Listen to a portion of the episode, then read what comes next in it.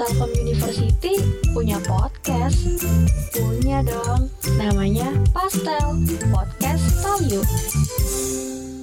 Three, two, one. Welcome to Pastel, Podcast Tell You. Di sini, kamu bisa dapat info dan cerita menarik tentang Telkom University. Podcast ini diorganisasi langsung oleh Direktorat Pemasaran dan Admisi Telkom University. Tanpa basa-basi lagi, now let's begin to our podcast. Assalamualaikum warahmatullahi wabarakatuh. Marhaban ya Ramadan, selamat datang di bulan suci Ramadan.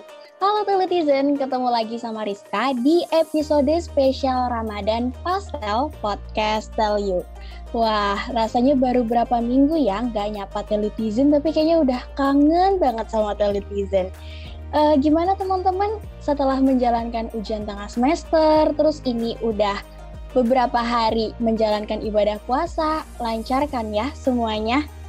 Ya, semoga lancar deh ya.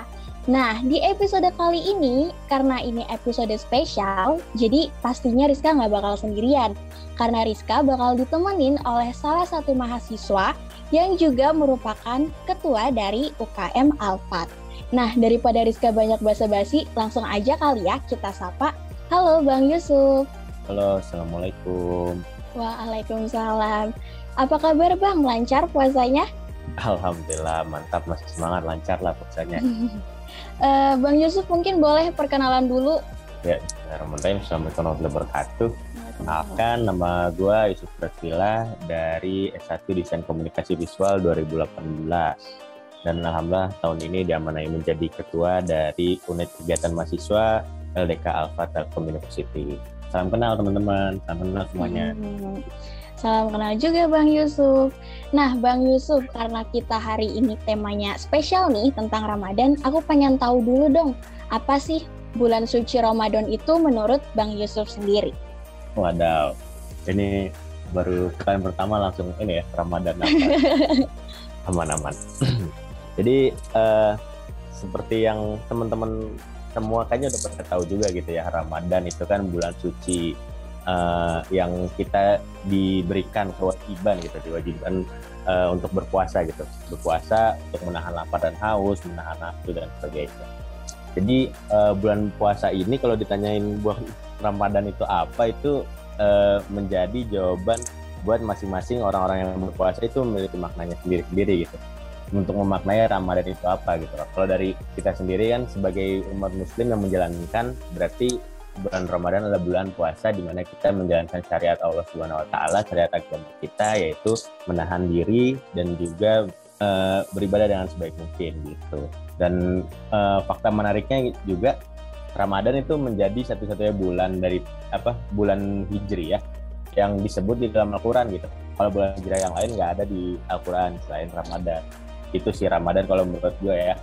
Bulan hmm. puasa lah istilahnya gitu. Iya. Nah, Bang, uh, kan sekarang tuh kita menjalankan ibadah Ramadan dalam masa pandemi hmm. seperti ini gitu. Apakah pandemi seperti ini tuh ada mempengaruhi ter, apa berdampak sama ibadah puasa sendiri nggak sih? Secara nih kita nggak boleh kumpul-kumpul, kadang hmm. juga kita mau terawih tuh ragu gitu, ih takut kena corona gitu. Menurut Bang Yusuf sendiri gimana? Menurut uh, gue pribadi sih kalau misalnya terkait ini ya uh, Ramadan dan pandemi gitu ya. Nah ini uh, tergantung dari eh, masing-masing kita. Walaupun sebenarnya akan uh, apa ya berefek juga gitu ya, secara tidak langsung.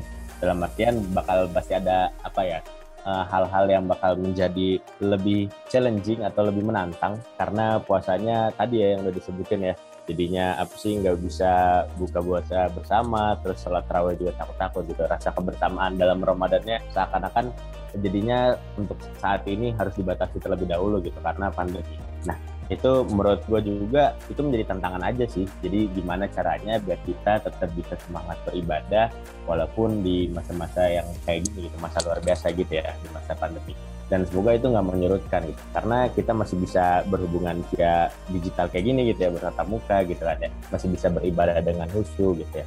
Paling tantangan yang lebih lanjutnya ya uh, karena kita membatasi kegiatan juga kegiatan di luar jadi bisa menantang secara produktivitas gitu ya. Jadi kan biasanya kita uh, beli takjil nyiapin takjil dari apa sebelum buka puasa atau enggak beraktivitas seperti biasa gitu ke kampus dan kayak gimana. Tapi sekarang di rumah aja terus di kamar aja. Harus membatasi jadinya apa ya menantang juga lah gitu. Menantang biar nggak nggak leha-leha biar nggak tidur tiduran aja tapi bisa tetap semangat beribadah bisa produktif juga. Gitu sih. Kalau beda apalagi sekarang kita udah banyak waktu luang gitu ya jadi kan nah, bisa iya. dimanfaatin juga untuk beribadah. Betul. Nah, Bang, kan ini angkatan 18 ya. Berarti sempet dong ngerasain asrama waktu bulan Ramadan tuh. Sempat, sempat, sempat. Iya, gimana tuh keseruannya nyusun sahur bareng teman-teman kamar ataupun ramenya nyari takjil di depan Telu tuh gimana? Ceritain dong, soalnya aku angkatan 19 nih, jadi kurang tahu gimana keadaannya. Oh iya, oke okay, oke. Okay. Iya. 2018, oh udah tiga tahun yang lalu ya. Hmm. Uh, tar, Oh berarti puasanya di 2018, 2019 awal kalau nggak salah. Eh, iya iya, berarti itu kalau nggak salah setelah ujian. Aduh inget-inget lagi deh, udah lupa. Jadi dulu sih apa ya itu tuh kalau nggak salah tuh abis abis ujian gitu. Terus kan uh, di telepon juga ini ya apa sih kita kan asrama dulu gitu ya. Asrama jadinya pasti ada harus nyiapin sahur, harus nyiapin buka dan sebagainya itu beda lah kalau kayak kita lagi di rumah biasanya udah disiapin. Dan siap sedia aja gitu kan sama keluarga. Nah ini ya itu tantangannya tadi bener tuh yang udah dimention di awal gitu kan. Kayak kita mesti nyiapin sahur nih, gimana nyiapin sahur kan di apa di asrama gitu kan ya. Jadi mesti keluar dulu sekitar buat beli makan. Kadang tuh apa ya tim caknya kapan, beli makannya kapan gitu kan. Udah ngantri gitu terus abis itu apa udah mepet banget nggak kebagian gitu juga kalau misalnya lagi buka puasa. Kan jarak dari uh, asrama sama masjid itu kan lumayan tuh ya. Dulu pas masih zaman-zaman maba masih belum tahu shortcut shortcut gitu lah ya masih belum tahu jalan pintas ke masjid kayak gimana gitu. Jadinya dari asrama di gedung 8 itu paling belakang. Jadi dari asrama ke masjid gitu kan ya. Tadinya pengen ngincer buka bersama di masjid gitu kan ya. Biar dapat takjil gratisan. Tapi kan gara-gara lama gitu, kita telat juga, mandi sore dulu gitu. Jadinya belum sampai masjid sudah ini gitu sudah azan gitu kan itu kan yang kayak wadaw jauh juga gitu kan jadi mesti nyiapin ya minimal udah ngebuka dari tengah jalan itu pernah tuh jadi ngebukanya di tengah jalan di saung-saung apa saung-saung di Telkom yeah. kan iya. banyak saung-saung gitu ya jadi ya udahlah mm -hmm. buka dulu lah gitu sebelum makan yang beratnya di habis maghrib nanti gitu itu sih tantangan inilah nyari bukanya lah ya pas dulu pas di masa asrama seru dan ya seru dong seru banget itu parah deh sama bareng teman-teman juga gitu kan nggak nggak sepi lah kalau ini kan jadinya sasrama rame-rame terus segedung gitu. Jadi walaupun jauh dari orang tua, tetap kerasa lah ya kebersamaan selama Ramadan tuh di asrama gitu. Kerasa banget sih. Tadi uh, ada disebutin kalau ada buka puasa gratis di MSU. Nah itu tuh hmm. emang ada proker sendiri apa gimana nih dari MSU? Sebenarnya kalau MSU itu kan ini ya yang mengurus atau yang menjalankan agenda-agenda itu kan biasanya eh, DKM. DKM itu Dewan Makmuran Masjidnya gitu ya, Masjid Samsul Ulum gitu. Nah itu dia emang karena bersifat pelayanan ibadah gitu kan deh. Jadi apa-apa yang kita butuhkan sebagai umat muslim yang ingin beribadah, ingin menjalankan syariat Islam gitu kan. Jadi uh, emang disediakan gitu. Salah satunya itu ya pas bulan Ramadan, nggak cuma Ramadan juga sih, biasanya kalau ada puasa sunnah Senin Kamis juga disediakan buat kayak buka bersama gitu. Jadinya enak lah kita jadi tinggal datang aja gitu. Hmm, tapi kalau kuliah online kayak gini masih ada nggak kira-kira buat teman-teman yang mungkin masih di kosan, nggak pulang ke rumah, itu kira-kira masih ada nggak? Dan alhamdulillahnya gitu kan ya, alhamdulillahnya ternyata masih ada gitu. Jadi mm -hmm. bisa nih buat teman-teman yang kosan yang sekarang lagi uh, apa sih masa-masa pandemi gini masih ada di Telkom di sekitar Teli gitu bisa buat apa tetap dapat tajil gratis di MSU gitu kan. Karena disediakan juga dan alhamdulillah udah disetujui juga gitu uh, dengan ini ini tertentu gitu kan ya kesepakatan tertentu dengan pihak kampusnya juga. Jadi hmm. alhamdulillah insya Allah aman lah. Nah, jadi teman-teman yang mau bisa langsung nih buka puasa di MSU ya. Nah, selain itu Kak, uh, selain buka puasa bersama, kira-kira ada nggak sih kayak proker-proker lain kayak terawih bareng ataupun sahur bersama di MSU seperti itu? Terawih bareng. Kalau untuk terawih bareng tetap ini ya tetap uh, dijalankan gitu tetap dijalankan karena emang biar masjidnya hidup biar masjidnya makmur juga tetap ada tarawih namun dengan catatan harus mematuhi protokol kesehatan juga gitu kan ya jadi uh, sholatnya dijarak-jarakin gitu kan ya terus uh, bawa peralatan sendiri menggunakan masker dan ya mematuhi protokol kesehatan standar lah intinya tetap ada nih buat teman-teman yang uh, di sekitar Teli bisa tetap sholat lima waktu dan beserta terawih juga tapi kalau untuk sahur sendiri sih kayaknya nggak ada sih kalau hmm. itu menyediakan sahur juga itu kayak cukup riskan juga gitu karena kalau sahur itu kan waktunya cukup sempit ya di pas kita bu apa baru melek gitu baru hmm. tidur ya gitulah untuk nyiapin dan protokol kesehatannya juga susah kalau buka kan eh, tinggal ambil dan bisa take home gitu kan ya bisa dibawa pulang gitu sih paling tapi kalau kalau nggak salah ya tahun lalu itu uh, untuk ngambil takjil itu harus daftar di via lain dulu ya. Kalau tahun ini kira-kira begitu juga nggak? Oke, kalau misalnya tahun lalu itu kan karena ini ya berhubungan dengan supply and demand ya berarti masih jadi kayak yang dibutuhkan sama yang membutuhkan yang yang ada yang tersedia dan yang membutuhkan itu kan banyak kalau dulu gitu. Mm -hmm. Jadinya biar lebih terstruktur dan terorganisir gitu emang dibutuhin ada daftar-daftar gitu. Kalau sekarang sih tinggal ini aja. Kalau sekarang tinggal apa sih datang ke masjidnya tinggal ini ntar disediakan karena melihat ininya juga lebih sedikit dan bisa lebih inilah ya kebagian meratanya lebih kemungkinan kebagian meratanya itu bisa lebih uh, optimal gitu kalau sekarang gitu jadinya nggak mesti daftar-daftar lagi gitu itu hmm, sih terus uh, bang kan tahun lalu tuh katanya puasanya habis ujian tuh ada hmm. nggak sih goda-godaan terbesar gitu menjalankan puasa selama di kampus waktu masih offline Waduh, godaan puasa sih itu ya tadi ya mager. asrama Telu itu nyaman parah gitu kan ya nyaman. Itu dah adem lah. Kalau di gua dulu tuh di lantai satu itu jadi adem jendelanya enak gitu kan. Jadinya di bawahnya tuh pengen rebahan aja gitu. Kalau tidak uh, punya semangat atau tidak punya keyakinan buat beribadah gitu kan ya pastinya itulah jadi tantangan banget gitu jadinya itulah mesti dilawan gitu karena walaupun udah nyaman gitu tapi kita biar bisa tetap ibadah dengan maksimal juga gitu. Tapi enak sih sama teman-teman juga gitu kan ya. Jadi saling ngingetin lah kalau misalnya masih belum apa belum sholat gitu atau enggak uh, sahur gitu eh belum sahur gitu ya. Jadi dibangunin enak lah. Jadi nggak terlalu menantang eh nggak terlalu ini banget kali ya. Tidak terlalu sendiri banget gitu kan ya. Tetap seru lah. Kan sekarang kita juga ya uh, puasanya tabrakan sama UTS nih. Nah, nah. nah mungkin ada aja nih teman-teman mahasiswa yang ya kerjasama gitu ya selama hmm. ujian. Kira-kira itu gimana sih membatalkan puasa nggak atau gimana nih hukumnya dalam puasa Padahal. tuh ngaruh ke mana gitu? Kerjasama dalam tanda kutip gitu. Ya. Aduh kerjasama dong gitu ya. Jadinya ini ya kalau misalnya mau disebut atau ditanyakan terkait membatalkan puasa, oh tentunya uh, itu tidak menjadi uh, syarat uh, batalnya puasa gitu kan ya. Kalau apa sih mencontek gitu ya. Tapi uh, itu bakal jadi ini sih apa ya mengurangi nilai-nilai atau mengurangi amalan atau pahala dari puasa itu. Kalau apa ya kalau dari yang gue pernah dengar sih jangan sampai puasanya itu puasa prank gitu ya. Puasa puasa nahan puasa apa nahan makan nahan minum tapi apa tidak mendapat uh, amalan atau mendapat balasan yang sesuai dari Allah karena nggak sesuai gitu. Karena apa sih? Karena ya seakan-akan puasanya sia-sia lah cuman menahan lapar dan haus. Nah, itu yang menurut Rasulullah SAW juga merugi gitu kan jadi dia hanya hmm. menahan lapar dan haus tapi tidak menjaga dari perbuatan-perbuatan yang uh, kerjasama seperti itu gitu ya dalam tanda kutip. Terus habis gitu perbuatan-perbuatan yang tidak diridhoi Allah Subhanahu Wa Taala gitu kan. Sampai itu puasanya puasa prank gitu Terus uh, kan untuk teman-teman mahasiswa yang kosan tuh biasa kadang suka ada yang telat-telat makan, terus hmm. kadang kena mah gitu ya.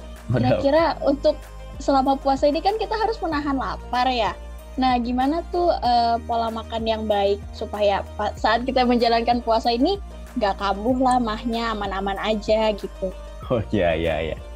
Oh iya iya, iya mahasiswa identik banget ya sama apa sih makan telat gitu ya. Jadi kalau yang apalagi udah punya sakit mahan dan sebagainya gitu kan, itu justru kalau yang gue tahu ya, justru itu malah ini gitu, malah apa sih bisa menyehatkan gitu. Puasa itu kan udah diteliti juga kan ternyata menyehatkan karena dia menetralkan gitu, menetralkan tubuh selama berpuasa gitu. Jadi uh, justru malah asam lambungnya nggak nggak terlalu bergejolak gitu terus habis itu apa uh, organ-organ kita juga nggak terlalu terpakai berat karena mengunyah atau eh karena memproses atau me, ini me, apa makanan-makanan masuk gitu ya, makanan minuman masuk gitu. Jadi kalau untuk yang mah itu sih justru biasanya uh, bakalan lebih sehat sih. Dan kalau misalnya tipnya seperti apa ya uh, secukupnya aja sih secukupnya dong.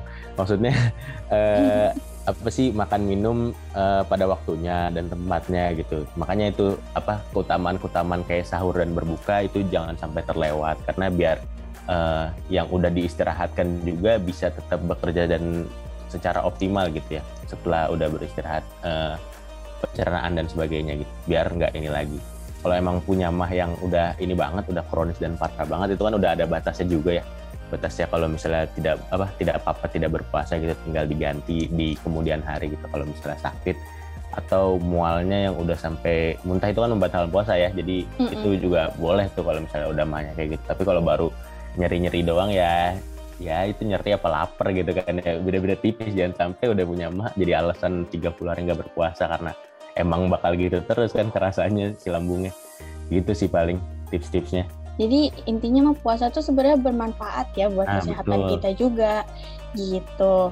Nah, Bang, kalau misalnya di bulan Ramadan tuh kan ada salah satu malam yang benar-benar dinanti nah. nih sama umat Islam yaitu malam Lailatul Qadar. Nah, kira-kira gimana sih uh, tips-tips untuk bisa mendapat malam Lailatul Qadar itu sendiri sedangkan kita sekarang juga kadang orang tuh kan ada yang iktikaf di masjid gitu hmm. supaya bisa dapat malam Lailatul Qadar itu. Nah, kalau dalam pandemi seperti ini gimana dong caranya? Oke. Okay. Aduh, ini pertanyaan-pertanyaan ini ya, pertanyaan ibadah gitu kan ya. Jadi iya. Ya, uh, itu uh, sebelumnya disclaimer juga ini ya, saya masih dari tadi pertanyaan-pertanyaan tentang hukum, pertanyaan tentang syariat atau kayak gimana kayak gimana gitu masih sama-sama belajar gitu, sama-sama menjalankan. Nah, kalau misalnya apa untuk mendapatkan keistimewaan malam Lailatul Qadar gitu ya yang lebih baik daripada seribu bulan gitu kan ya. Ya itu berarti kita walaupun masa pandemi gini kan tidak menutup kemungkinan kita untuk bergerak beribadah beraktivitas seperti biasa gitu. Masih banyak amalan-amalan yang masih bisa dilakukan dan dikerjakan di malam-malam uh, bulan Ramadan gitu kan ya. Nah itu tuh yang uh, amalan-amalan yang dilakukan saat Ramadan itulah yang jangan sampai lepas gitu kan ya. Kalau bisa malah kita istilahnya apa ya? Kalau di istilah game itu ngelut gitu kan ya. Apa sih kayak kita nge banyak-banyakin gitu buat melakukan amalan, melakukan ibadah gitu biar mendapatkan keutamaan Lailatul Qadar. Itu juga uh, ini kan ya Lailatul Qadar nggak ada yang tahu gitu datangnya kapan gitu kan masih misteri. Nah itulah karena uh, algoritma atau ketentuan gitu, algoritma ya kita bilangnya gitu perhitungan oleh Allah Subhanahu wa taala itu beda gitu. Kalau misalnya kita mahasiswa ada penelitian kuantitatif kualitatif gitu kan. Nah, ini kalau algoritma Allah itu beda gitu. Jadi Allah menilai prosesnya gitu. Allah menilai keistiqomahannya, keberlanjutannya beribadahnya baru bisa mendapatkan Lailatul Qadar gitu. Jadi nggak serta-merta kapan nih terus oh gue harus malam aja nih beribadah. Nggak gitu. Jadi ya udah emang prosesnya uh, selama berjalan bisa nggak gitu biar dapat Lailatul Qadar gitu. Intinya kita harus istiqomah ya dalam Yoi. ibadah. Betul betul. Mm -hmm. Nah sekarang aku pengen tanya-tanya dong tentang Alfat. Nah Alfat ini kan uh, eh, UKM ya. Betul. Nah pasti ada ini dong kayak semacam latihan dasar kepemimpinannya nih pas awal-awal nah. masuk Alfat. Kira-kira selama pandemi ini tetap jalan nggak? Oke, pelatihan ini ya dasar kepemimpinan gitu ya. Mm-hmm. Itu kalau misalnya di LDK Alfat itu namanya islah. Jadi Islamic Leadership and Motivation Training gitu ya. Itu islah gitu ya. Jadi kalau di Alfat sendiri. Nah itu kalau misalnya ditanya berjalan atau nggak berjalannya, insya Allah tetap berjalan gitu karena kan uh, kita bisa mentransformasikan nilai-nilai pokok atau poin-poin penting dari program uh, yang itu ya pelatihan kepemimpinan itu dengan uh, kegiatan-kegiatan yang sifatnya digital atau kegiatan yang sifatnya online gitu. Jadi esensinya bisa tetap dapat, poin-poin pentingnya bisa dapat dan materi-materi yang perlu disampaikannya juga tetap ada.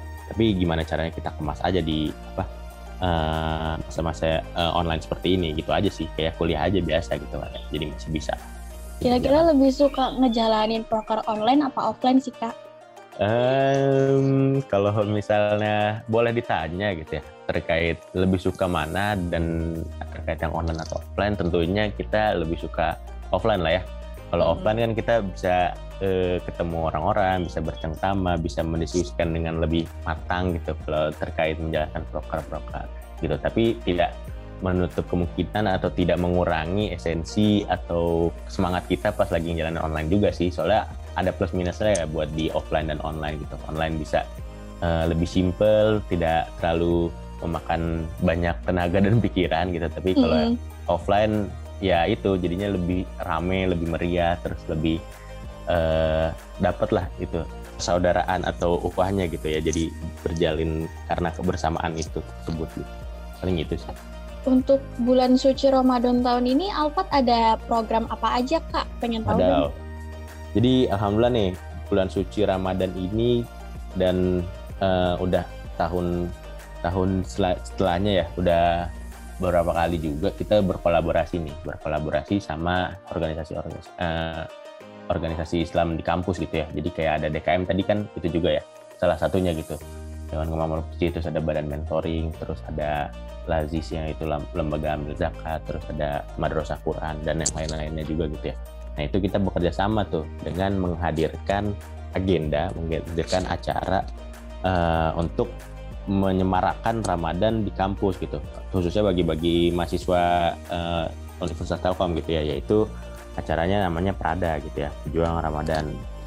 nah jadinya Prada bisa dicek aja tuh di Instagram @prada_tell_you gitu Nah itu banyak banget kegiatannya, agenda-agendanya, mulai dari yang sifatnya kajian-kajian gitu, terus sifatnya sharing-sharing dengan apa orang-orang berpengalaman gitu kan ya. Terus juga ada lombanya juga, ada challenge-nya juga gitu kan ya. Itu sih banyaknya. Kalau yang dari Alfatnya sendiri juga itu ada beberapa yang kita mengadakan apa ya namanya ya, uh, mengadakan uh, kultum rutin, terus tip and trick selama Ramadan gitu ya di dalam postingan-postingan gitu Terus juga di Alfat-Alfat ini kan juga tersebar ya. Alfat di fakultas-fakultas juga ada gitu. Itu masing-masing juga mengemas dan menjalankan dan memeriahkan Ramadan ini dengan caranya masing-masing gitu. Ada yang dari Fakultas Industri Kreatif mereka bikin lomba-lomba kreatif, terus ada yang uh, dari Fakultas Rekayasa bikin challenge Ramadan uh, sampaikan satu ayat gitu ya. Dan masih banyak yang lainnya juga gitu. Masing-masing kita sama-sama mencoba dan berikhtiar buat memeriahkan Ramadan ini gitu ya itu sih paling. Hmm, jadi dari tiap fakultas sendiri juga ini ya, betul. ya masing-masing ada challenge sendiri, lomba-lomba sendiri gitu ya. Dah. Ah, Seru banget. Terus uh, kira-kira di Alfat sendiri ada nggak program kayak semacam tadarus bersama hmm. gitu? Mungkin dulu waktu offline atau mungkin sekarang pas offline, boleh dijelasin? Oke okay, oke. Okay. Ini ya tadarus itu kan ini ya baca Quran bareng dan sebagainya mm -hmm. gitu ya. Nah itu biasanya kita kalau misalnya offline dulu tuh jadi setiap mulai ada kajian itu kan biasanya habis isya ya. Nah selama menunggu kajiannya itu kan pasti ada uh, jarak atau spare waktu lah gitu ya. Jadi kita open gate atau kita mulai mensoundingkan acara itu biasanya sebelum maghribnya gitu. Jadi biar orang-orang bisa ikutan sholat berjamaah dulu gitu. Terus habis itu bisa ikutan darusan juga gitu ya. Jadi itulah ya kalau secara acaranya. Nah kalau misalnya uh, masa online kayak gini gitu, jadi kalau misalnya tadarus bareng yang kita jadikan broker itu nggak ada sih. Tapi kalau misalnya yang kita implementasikan di eh, kegiatan sehari-hari, kegiatan maksudnya kegiatan dalam berorganisasi itu tentunya ada gitu. Jadi kita memulai agenda dengan membaca Al-Quran bersama gitu. Terus kadang juga sih ini apa ya kayak suka ayolah tiba-tiba tiba-tiba tadarus gitu ya. Itu nggak jadi proker sih tapi jadi agenda yang apa ya jadi agenda unik yang bisa menyatukan dan merekatkan uhwah kita selama Ramadan atau selama uh, masa-masa online gitulah. Jadi tiba-tiba apa ngaji tiba-tiba baca akafian bareng tiba-tiba ini. Dan uh, seperti yang tadi udah di mention juga ya uh, udah ada alfat fakultas juga ada alfat yang secara naungan pusatnya juga gitu. Itu tiap-tiap uh, departemen tiap-tiap fakultas itu biasanya punya agenda itu juga yang tadi kayak tadarus itu yang justru kalau yang itu uh, dijadikan proker gitu ya dijadikan apa ya agenda-agenda rutin gitu. Nah kalau yang untuk secara luas sifatnya nggak ada yang dijadikan proker sih tapi kita tetap menjalankan program uh, baca Quran bersama gitu di agenda-agenda yang diselipin gitu lah ya diselipin di agenda-agenda gitu sih paling. Mm -mm. Terus kak uh, dulu tuh kan waktu aku semester 1 ya hmm. aku dapat mata kuliah agama. Nah. nah terus waktu itu harus ada mentoring. Nah itu tuh sebenarnya apa sih? Mungkin nanti teman-teman yang angkatan 20 atau angkatan 21 nanti kepo banget mentoringnya apa sih? Untuk hmm. apa sih gitu? Oke, okay. mentoring itu ini ya seperti namanya sendiri mentoring gitu. Jadi kalau teman-teman udah tahu gitu mentor itu kan kayak semacam ini ya semacam guru, semacam coach gitu kan ya buat uh, teman-teman biar bisa menjaga semangat, bisa menjaga nilai-nilai Islam gitu, terus bisa belajar juga dengan pengalaman-pengalaman yang udah ada. Jadi uh, mentoring sendiri itu jadi ini kan ya syarat wajib mata kuliah agama juga gitu kan. Nah itu yang bertujuannya biar nggak cuman pas lagi mata kuliah agama aja kita belajar agama gitu, tapi tetap di luar itu kita bisa tetap belajar lebih dalam, bisa belajar yang langsung dengan pengalaman kakak-kakak mentornya gitu, terus bisa kenal lebih dekat dengan si grup mentornya. Dan di mentoring ini juga awal nih awal mula biar kita bisa ini gitu persahabatan dan persaudaraannya bisa terbentuk persaudaraan Islamnya. Nah ini buat teman-teman yang kepo banget gitu kan, wah mentoring apa nih gitu itu seru kok. Jadi kayak ya kerja kelompok ya gitu lah ya dikelompokin. Tapi ada nilai-nilai Islamnya ada tausiahnya ada baca Quran bersamanya gitu ya. Satu lagi mentoring itu dijalankan sama badan mentoring gitu ya. Nah itu yang tadi udah sempat dimention ke awal gitu. Jadi masing-masing kita inilah bagi-bagi tugas. Ada DKM yang uh, ngurusin masjid ada Alfat yang ngurusin uh, agenda-agenda untuk event-event kegiatan Islam. Terus badan mentoring ada yang melakukan mentor atau melakukan coaching buat teman-teman yang baru masuk itu tuh tadi terus ada yang lain juga gitu sih itu badan mentoring ya Terus untuk mentoring sendiri nih bagi teletizen yang belum tahu itu tuh bukan dari dosen tapi dari hmm. kakak-kakak tingkatnya sendiri. Jadi kita kenal juga nih sama kakak tingkat kakak tingkat yang mungkin beda jurusan Tuh. ataupun beda beda fakultas dari kalian seperti itu oh ya kak? Uh, untuk kayak kajian-kajian waktu itu pernah nggak ngundang kayak ustadz-ustadz terkenal dari dalam negeri ataupun dari luar negeri gitu? Mungkin boleh diceritain. Kalau kajian-kajian sih kita ini ya uh, banyak ngundangnya itu dulu uh, sama ini juga gitu sama teman-teman DKM juga terus sama teman-teman uh, BM juga gitu. Biasanya kalau ngadain kajian tuh justru yang yang seru-seru gitu ya. Pernah dulu ada uh, Agim pernah gitu. Terus habis itu uh, kalau dari teman-teman BM pernah ini apa Habib Hussein juga pernah gitu. Wow. terus habis gitu dari teman-teman Alfat tuh biasanya yang lebih ke sifat keilmuan gitu. Ada uh, Ustadz Edgar Hamas terus uh, Zain Permana gitu. Terus Muzamil Hasbala itu juga pernah diundang gitu. Nah itu jadi apa ya jadi biar inilah ya biar uh, orang juga tertarik gitu. Wah ini influencer-influencer Islam ustadz-ustadz yang berpengaruh dan uh, seru gitu ya. Jadi bisa uh, pada datang gitu. Hmm, terakhir nih kak. Selama nah. berada di Alfat boleh dong kesan pesan selama ada di Alfat? Atau kasih tahu juga nih keuntungan-keuntungan jika mahasiswa masuk di Alfat itu apa aja? Oke. Jadi uh, ini ya kesan pesan gitu ya. Wah kesan pesan gue tuh dulu masuk Alfa tuh biar apa ya? Biar itu lah ya biar gak gabut gitu kan.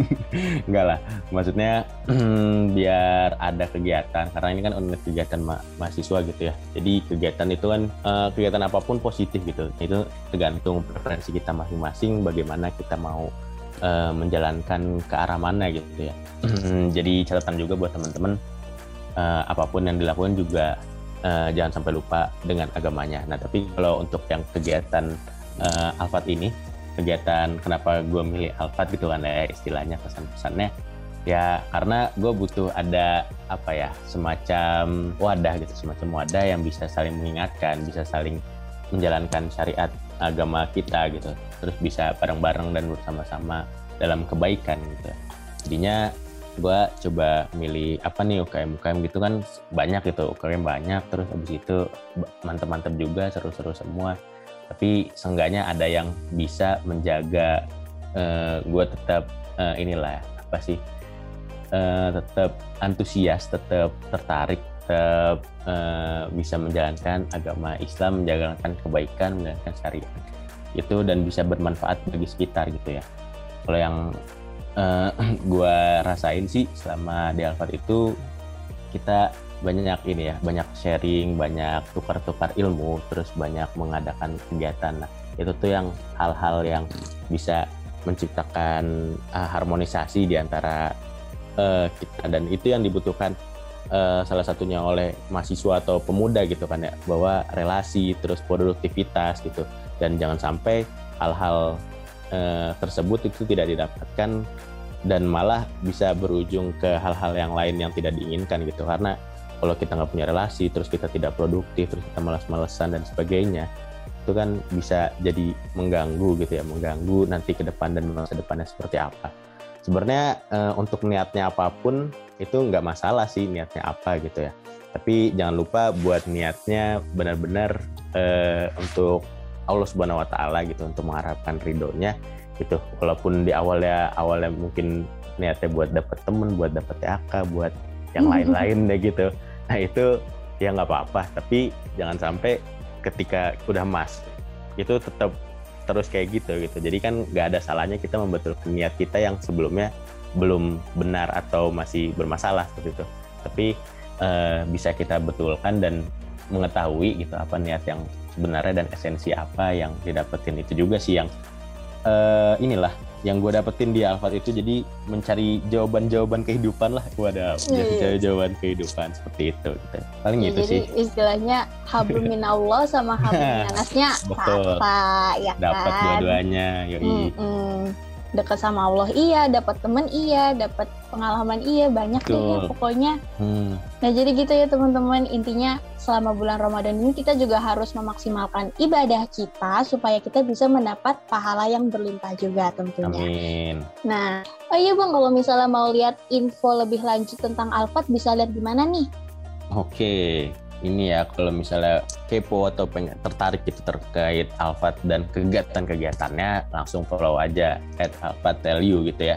Nah itu bisa dicari uh, Instagramnya. Terus kalau mau tahu kegiatan-kegiatan Ramadan gitu, jadi follow aja Instagram at Pradatelyu gitu. Hmm, berarti at sama Pradatelio. Uh, makasih banyak yang udah mendengarkan sampai akhir. Jangan lupa untuk didengerin episode lainnya, di follow dan di share juga ke teman-temannya. Nah, bagi teman-teman yang pengen tahu info lebih lanjut tentang Telkom University, bisa dilihat di website smb.telkomuniversity.ac.id atau di Instagram at smbtelkom. Uh, Oke, okay, terima kasih banyak ya Bang Yusuf sudah mau meluangkan waktunya buat sharing-sharing di sini. Semoga ibadah puasanya lancar ya. Amin. Amin. Terima kasih banyak juga nih buat teman-teman yang sudah memberi kesempatan. Uh, di sini Rizka mewakili seluruh tim podcast Tell You ingin mengucapkan minal aidin wal faizin, mohon maaf lahir dan batin. Semoga ibadah aku, ibadah kamu, dan ibadah kita semua bisa dilancarkan dan diterima oleh Allah Subhanahu wa Ta'ala. Oke, kami pamit undur diri. Sampai ketemu di episode selanjutnya. Wassalamualaikum warahmatullahi wabarakatuh. Dadah. Gimana? Seru banget kan pembahasan tadi? Nah, bagi telutizen yang ingin sharing pengalaman selama berada di Telu, bisa banget loh kirim cerita kalian ke email kami di podcast@smbtelkom.ac.id atau DM ke @smbtelkom. Kami tunggu ya. Sampai ketemu di episode Pastel selanjutnya. Dadah! Telkom University punya podcast? Punya dong. Namanya Pastel, Podcast You.